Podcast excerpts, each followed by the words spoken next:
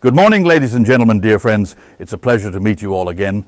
This morning, I would like to take you to the portion that was read this morning. However, I must immediately uh, mention that it's essentially an introduction. We will then proceed to the commentary that the Apostle Paul gave on these words we read from Genesis 15. As you can see behind me on the screen, I've given it the title God Justifies the Ungodly, and I've boldly added an exclamation mark, because that's quite something. And I admit right away that it's quite an extreme statement. The righteous, the ungodly, justified by God.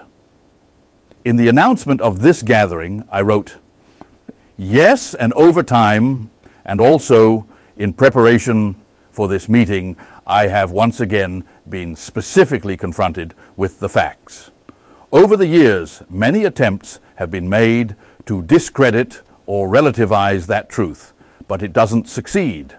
These are all attempts to essentially, and that is the conclusion, strip the gospel of its heart, its essence. Well, let's first go to Genesis 15. Then I'll pick up on verse 5, the situation. Well, that has just been read. Abraham, who must acknowledge. By now, he has come to a reasonably old age. But what? That is a relatively relative concept, of course, because, well, the man lived to be 175. And when are you considered to be of old age? But anyway, even in biblical terms, he had indeed reached old age. And the situation was that he was still childless. It's a familiar story. I hardly need to explain that. And in the same Romans 4, where we will go later, we will also see that they both, as it is called, were dead. That is, they were unable to produce offspring. Sarah, in any case, could not, as she was infertile. Moreover, it no longer went, as it is said, according to the ways of women, which is a, a euphemistic way of saying it. But we understand what is meant by that. And we would say, in terms of fertility, she was past her prime, but that also sounds a bit disrespectful. But in any case, and of Abraham we read, which is indeed a bit later, also Abram was dead and could not have children. That was the situation. They were childless. They had waited for children, and now Abram concludes that the inheritance will go to my servant. You must realize that Abram was an extremely wealthy man. That wealth would go to the Damascene Eliezer. And then Abram is corrected by God. Essentially, he could have known because the promise had already been made to him earlier. Then you read that God says to him, Go outside once. And I read aloud. He, God, made him go outside and said, and you have to imagine Abraham lived in Beersheba, in the desert, we would say. Whether it was like that back then is still a question. But anyway, there. If you then look up at night, you really see something. There you have a great view of the starry sky. And then it says that God said to him, Look up to the sky and count the stars, if you can, that is. And then the actual promise follows. Because this is the introduction to a comparison. And he, God, said to him, So shall your descendants be. By the way, it had already been said, not only as the stars of heaven, but also as the sand on the seashore that cannot be counted. So shall your descendants be. The inheritance does not go to the servant Eliezer that Abram had just mentioned. No, the inheritance goes to a physical son. And moreover, that is the forefather of many nations. By the way, at that time, there was still no mention of the promised son, but even then he was called and given the name Abraham by God. Abraham got an H added to his name, and there is much to say about that. But the most important thing is that he is called a father of many nations. And that is somewhat cynical, you could say, or it almost sounds like satire to say that to a childless man. You are a father of many nations. Uh, but that's what he was called in the family. Father of many nations, come eat. Might have sounded when Sarah called him, it almost sounds like a bitter joke. Yes, but he who laughs last laughs best. Hence, the child that was eventually born was named Isaac. Uh, and that means laughter.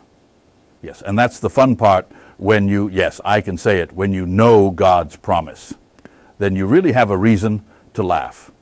And indeed, God laughs away all the limitations that humans inevitably have. For God, nothing is impossible. So shall your descendants be. Note, this is not a command. Abraham is not given the command to become a father. That seems pretty clear to me.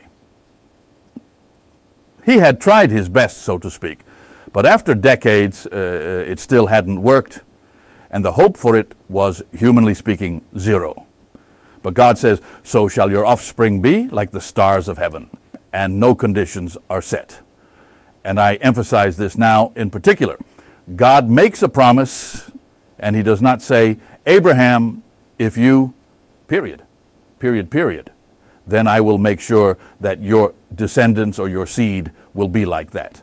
No, that's how it will be. Whoever you are and whatever you do, that is completely out of the question. It is an unconditional promise, an announcement, or in other words, a message. Paul would later call it the same in the Galatians letter. To Abraham the gospel was told, meaning good news, that's this. This is the good news that Abraham heard. So shall your descendants be. I stand for that.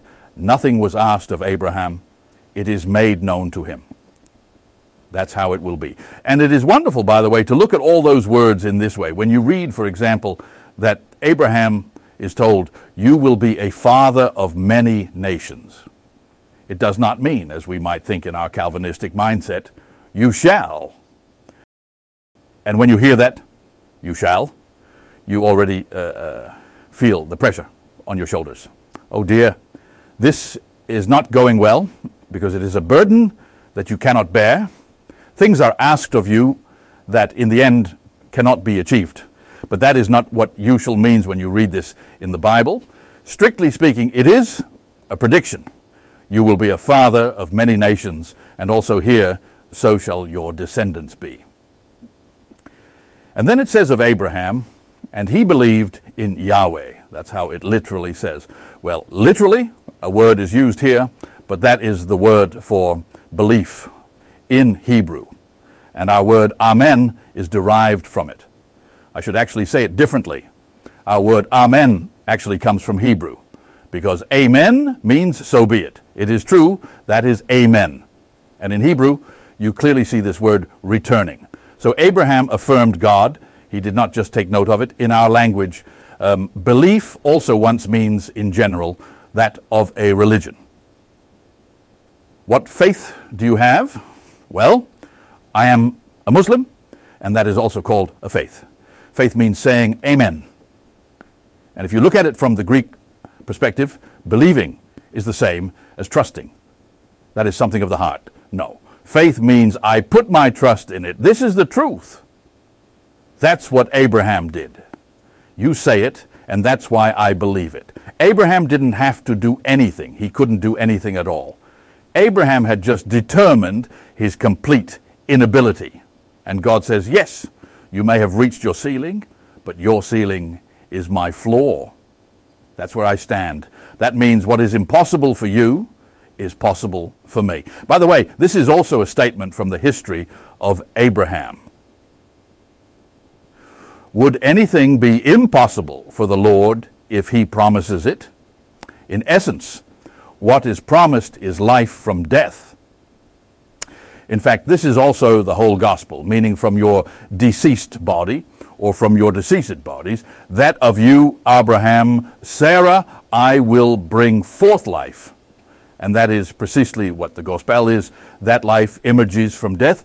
Death is not the final word, and we are all mortals. Yes, but God brings forth life, and life with all capital letters that has left death behind.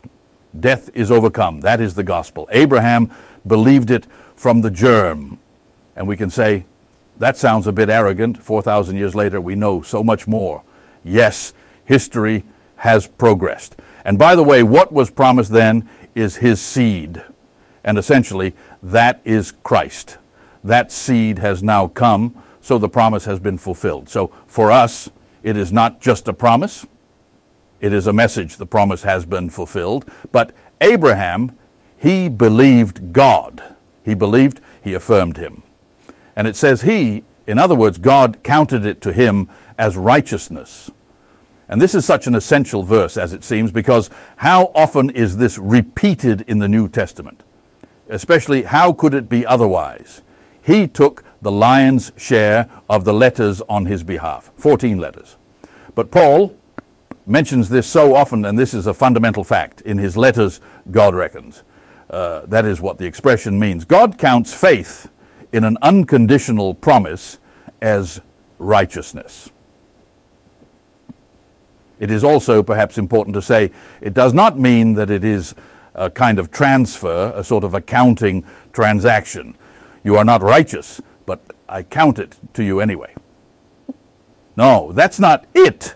What does it mean then? If God counts someone, in this case Abraham, as righteous, then he says, he declares, You are righteous. Why did he do something then? No, that's precisely the whole story. He affirmed that he could do nothing and had nothing to contribute, and that God would fulfill his promise unconditionally in any case. And that faith God counted to him as righteousness. That made Abraham righteous. What is a righteous person for God? Someone who does their best. How often is it told? I just mentioned faith and how, in our terminology, this is often nothing more than a synonym for adhering to a religion. It will undoubtedly be heard on many pulpits today. Then they say, do your best, or a burden placed on the shoulders. And then it is a relief to truly hear good news of what God does, no work of man, only God's work. Then you go up, just like Abraham did. Because if you cannot expect it from yourself and neither from the people around you, where else would you look? I lift my eyes to the mountains. From where does my help come? No question but certainty. My help comes from the mountains. My help comes from above. Where else? God counted it to him as righteousness. That is to say, for God, Abraham is righteous. Why? Because he relies entirely on what God promises. That's it. Well, Romans 4 is a chapter in which Paul explains and elaborates on this extensively. So let's go there from verse 2. Then Paul says this If Abraham were justified by works, or would be justified, yes, then he has something to boast about. Yes, why? Then he can boast about something he achieved if it were works, if Abraham had done something, he could say, Well, I did that, and it's on my account, regardless of what those works might be. The idea with works is that it is an achievement that a person could attribute to themselves, so a merit, and then you can say, I got that by working for it. If Abram were justified by works, he has reason to boast. Of course, then he can boast, but not towards God. That is to say, the honor or glory does not go to God. No, because then he himself did something. Paul explains these things. I am doing it this morning too. The whole bottom line of the story is so incredibly simple that a child could actually understand it. That's why it's unimaginable that this truth has been so distorted in church history, how faith has been turned into a work through a back door. Because, you know, the central truth of the Reformation is through faith alone. Yes, that's true. But if faith is turned into a work again, as in I have believed, that's my achievement. I'm now talking about uh, the evangelical version. Then they say, I have chosen for Jesus. The idea there is that humans have done something again. And then you have reason to boast. Or they say, God has done everything. I just had to accept him. In official church terminology, this is called the offer of grace. This means to what extent is grace now an offer, And to whom is it offered? Is it offered to all people, just like that? Or is it only offered to a few, the so called chosen ones? And you know, it's not even a matter of an offer, it's just a given, it's a statement. It's not like God wants to be your Savior and you can accept that, or He is a Savior for all people. No, He is a Savior of all people, and I can say to every person, He is your Savior. And that means He saves you anyway, anytime. Uh, but the fact remains, He is your Savior just as He is your Creator. He is not your Creator because you believe it. That's nonsense, right? Or He is your judge, meaning He sets everything right. He judges you. That is not conditional. No, it's a given. He is your God. He is your Creator. He is your Savior. That is a statement, a message. You can believe it or not. Let's continue. Let's go to Romans 4 2.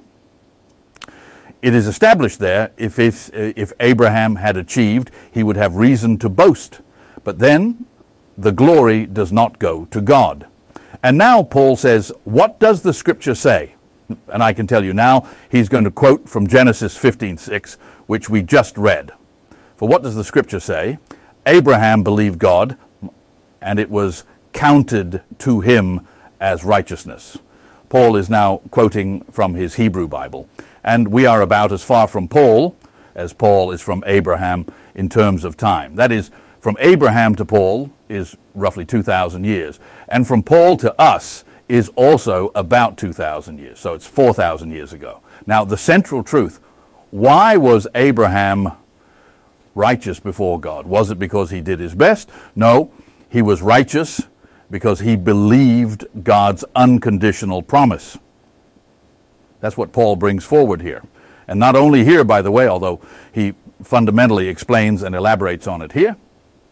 Then Paul continues and says, Now to the one who works, that is, earns something, the reward is not counted as grace or favor. No.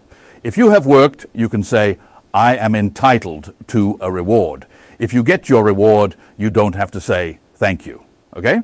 Uh, it might be according to etiquette that you do, but I mean, it's a debt being paid. That means your employer owes you something. He is obliged to give it to you. That is a wage. You have earned it. That's how it goes with work. So, uh, working is actually nothing more than earning something.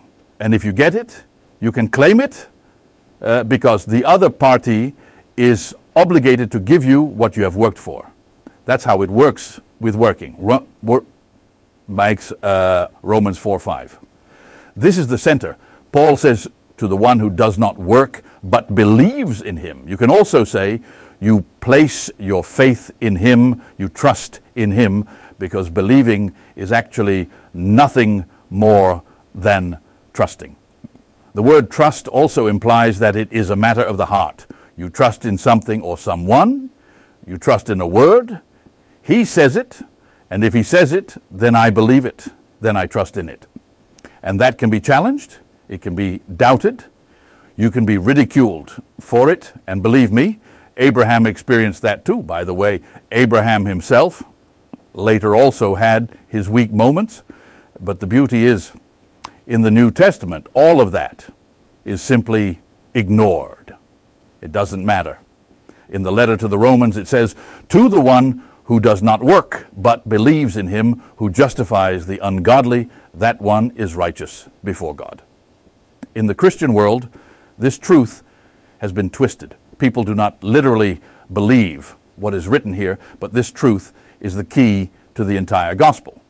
What this says is God justifies the ungodly. God does that, and therefore it's entirely His work. You might say, but Abraham believed. Isn't that a human work? However, can you say that if Abraham trusts God, if he is convinced by what God speaks to him that this is Abraham's work? Of course not. In other words, if a person believes God, meaning is convinced by his word, then that is God's accomplishment. If you believe that there is something of your own in it, your choice, or some other work, then God does not count it as righteousness. In the letter to the Romans, it says, But to him who does not work, but believes in him who justifies the ungodly, his faith is accounted for righteousness. That means the trust that nothing of mine, even if I were ungodly, nothing of mine, but God's unconditional promise is decisive. The moment you think there is something of yours, your choice or other work, it all becomes work. It's about earning it or at least doing something about it. No, it is God who justifies the ungodly. And that's why this is such a wonderful announcement, because this is something you can tell everyone, and not on the condition that they uh, first listen to you or something like that. No, it's just an announcement. God justifies the ungodly. So you can go to an ungodly person and say, What's the message then? God justifies you, He saves you, He is your Savior. And do you know who the first ones are to stumble over this? Yes, those are religious people. It can't be that easy, can it? And they don't believe that, or they say, Yes, but you must believe first. But that actually demonstrates that they don't believe it. Which faith does God count as righteousness? The faith in Him or in him who justifies the ungodly. But does he justify everyone? Yes. Then we have to go back a bit because this is Romans chapter 4 and let's go to Romans chapter 3 in Romans 3:23. Again, such a simple statement. Paul says, "For all have sinned." He says, "For because he had extensively explained and proven that in the previous chapters as far as that still needs proof. A person is a target misser because that's essentially what the word sinner means. Mankind sins. They miss their goal. And who are they? Paul answers by saying, Everyone. What do you mean by everyone? Well, no one excluded. Not even one, he says earlier in Romans 3. There is no one who seeks God, not even one. So when he says, For all have sinned, he is building on what he had established earlier. Hence that for. And it is all, and it is important that you read that all, because it is about a universal truth with no exceptions. Just as all people are mortal, so too are all people sinners. Not because they have done something wrong, by the way, because a child in the cradle is also a sinner. What can that child do about it? Nothing. But that's not the point at all. All sin, all have sinned. You might say all have sinned. Uh, that has to do with, with actions. Uh, but the problem goes deeper, and that is that man is a target misser. In fact, this is already in the fact that he is mortal, and so he misses the goal, namely life. He falls short. Uh, it also says about him and lack, or actually, it means having a shortage of the glory of God. And then it doesn't really matter how much you fall short. I used to have a neighbor who said there are two kinds of people. And actually, uh, this man did almost everything God had forbidden. So he knew what he was talking about. There are two kinds of people you have bad people, and you have very bad people. But every person falls short, every person has failed.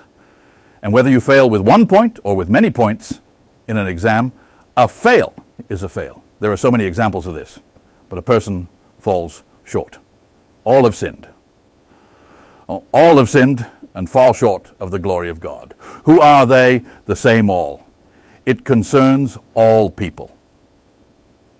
Most Bible readers often put a period here, but the sentence continues I continue reading and are justified freely by his grace through the redemption that came by Christ Jesus.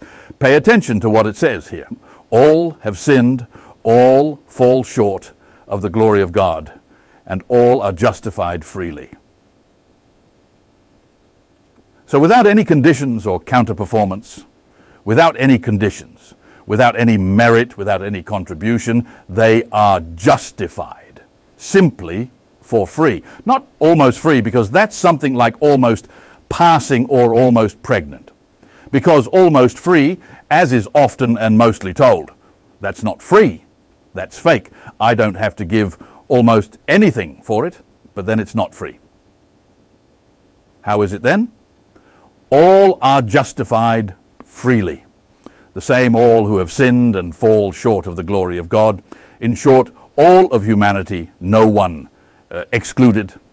They are justified freely. How so? Yes, freely. And if you hadn't understood it yet, it is subsequently in His grace. And all are justified freely in His grace through the redemption that came by Christ Jesus. And we believe that. So we say amen. What does it say in Romans 5? If you read it in Greek, it is actually a kind of telegram style.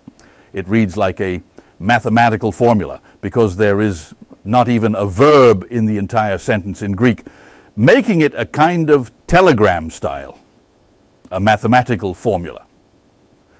Paul had just brought forward the impact of that one act of Adam, in which all of humanity is included.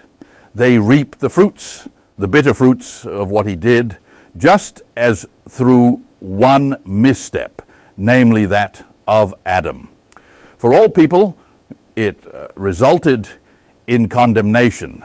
So too, through one righteous act for all people, it leads to justification of life. I already said this is a kind of mathematical formula.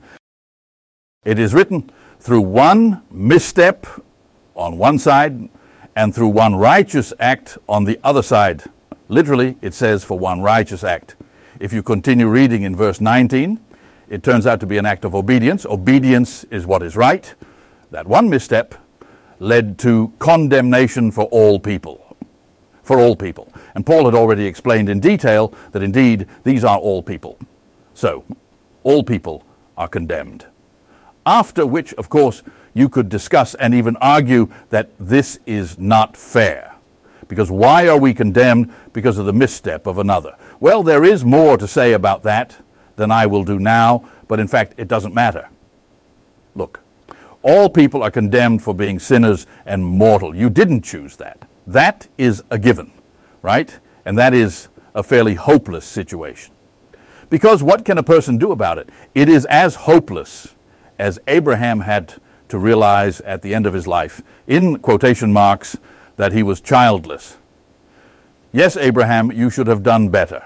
And if it doesn't work, do even better. Sounds a bit banal the way I say it, but you understand well that this is utter nonsense.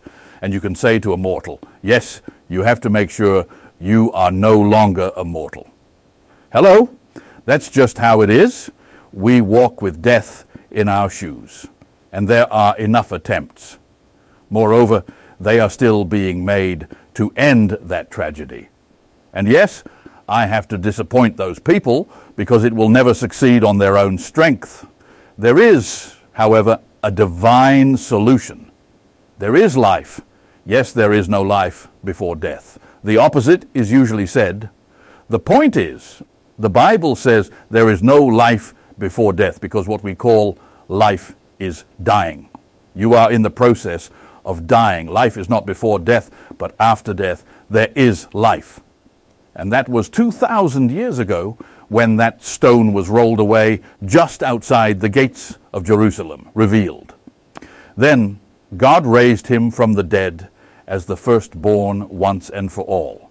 There is life, and it is promised to every child of humanity. Because just as through one misstep for all people, it resulted in condemnation, so too through one righteous act for all people, it leads to justification of life. Just as all people are condemned to be sinners and mortal, so are all people destined to be justified and made alive. This is so fundamental. On what is justification based?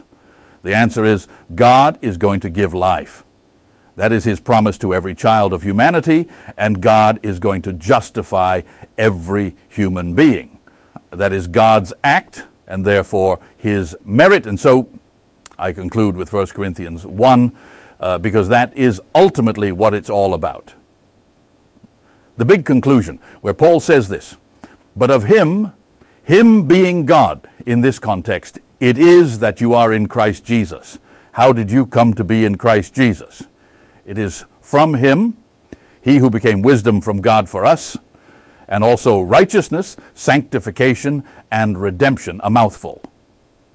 I'll skip over it now, but that's not the point. It is from him that you are in Christ Jesus. Did you do anything for it? No, of course not. Did you do anything to be in Adam? Did you do anything to be a sinner? Did you do anything to be mortal? No, that is our position as humans. That's how it is. So is our position in Christ that he becomes wisdom, righteousness, sanctification, and redemption for us. I'll tell you, the story doesn't end here. It's not just justification. He is also the one who sanctifies us. He sanctifies us. You shall be holy, says Peter. You shall be saints. You know when it comes into effect? At the moment, the person says, I can't do it, so you sanctify me. Uh huh. Nothing from the human, so that as it is written, Paul quotes something from the Old Testament Let him who boasts boast in the Lord. That is to say, if there is anything to boast about, then it's all for God. And if you want to give all the honor to him, let God do everything. And Abraham said, Amen. And we say, Amen. Thank you for listening. This was a study by the Dutch Foundation Good News, focusing on the gospel of the Apostle Paul, using the Greek original text as much as possible instead of a regular Bible translation. If you want to learn more about the gospel of Paul, you can do so at www.goedbericht.nl. Through the Chrome or Firefox browser, using a language add-on, the Dutch website can be automatically translated into your preferred language. This Bible study was originally presented in the Dutch language and has been translated into your language through AI.